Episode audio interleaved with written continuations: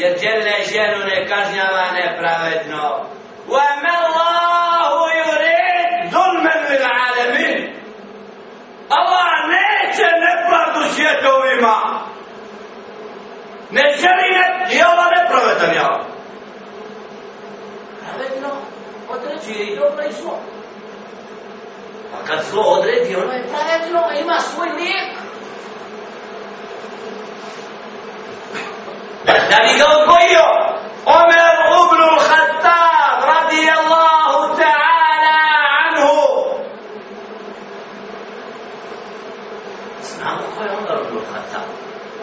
kako se čvrsto držao sunnita i borio protiv bid'ata.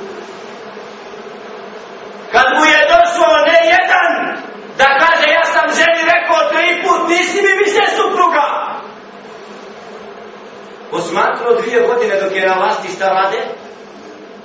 Nisu pa slušali? Kao ovaj brat nema prava na ženu više. Ne daj mu više da je vlasti da hoće.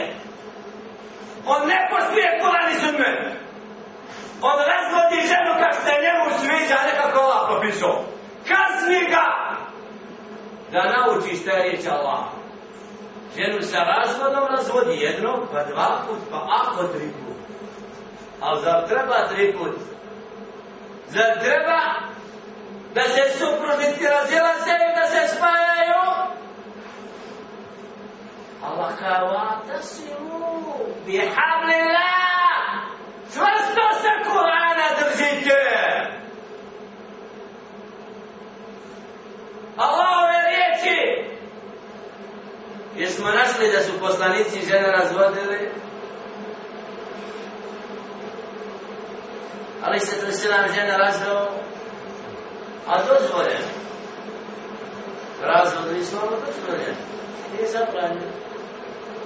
Al kome i zašto i zbog čega mora doći kufr i licemjerstvo u srce nekog i opasna bolest? Pa da se vjernici raziđu, jer vjernici se vole.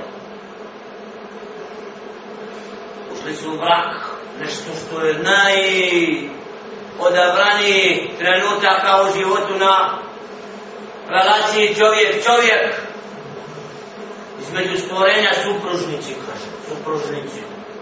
Nema stepsta ili testo, skloni se da prođu rahat, supružnici, muž i žena. Allah od njih dvoje stvorio šta si.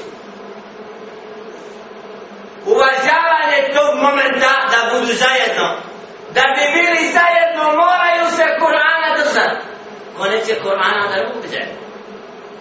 Onda je svjetan hiljadu puta nisu suprotni. Jer nema braka ako nema Kur'ana u srcu. Ako nema Islama, džaba mu je što se vjeđe, on živi. To je pojam samo koji je lažno predstavljen kod nevjernika.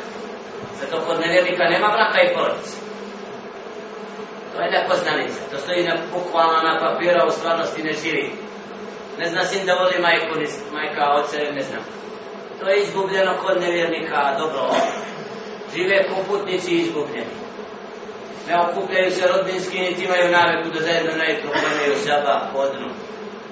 Za sofrom, za čajem, za kahovom, za nečim da razgovaraju o životu i prijatno se osjećaju kao muslimani.